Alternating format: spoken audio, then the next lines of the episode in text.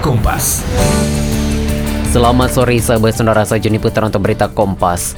Juru bicara vaksinasi COVID-19 dari Kementerian Kesehatan Siti Nadia Tarmizi mengatakan cakupan vaksinasi COVID-19 di Indonesia sudah melampaui target yang ditetapkan Organisasi Kesehatan Dunia WHO yaitu sebesar 40% pada akhir 2021. Untuk diketahui, WHO menargetkan setiap negara untuk memvaksinasi 10% dari populasi pada akhir September dan 40% pada akhir tahun 2021.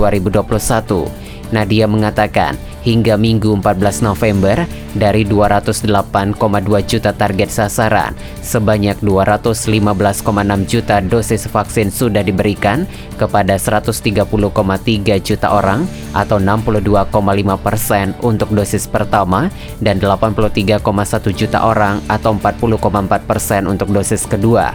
Kemudian, untuk vaksinasi booster bagi tenaga kesehatan sudah diberikan sebanyak 1,19 juta orang atau 81 persen. Demikian saja Putra untuk berita Kompas. Kembali ke program selanjutnya.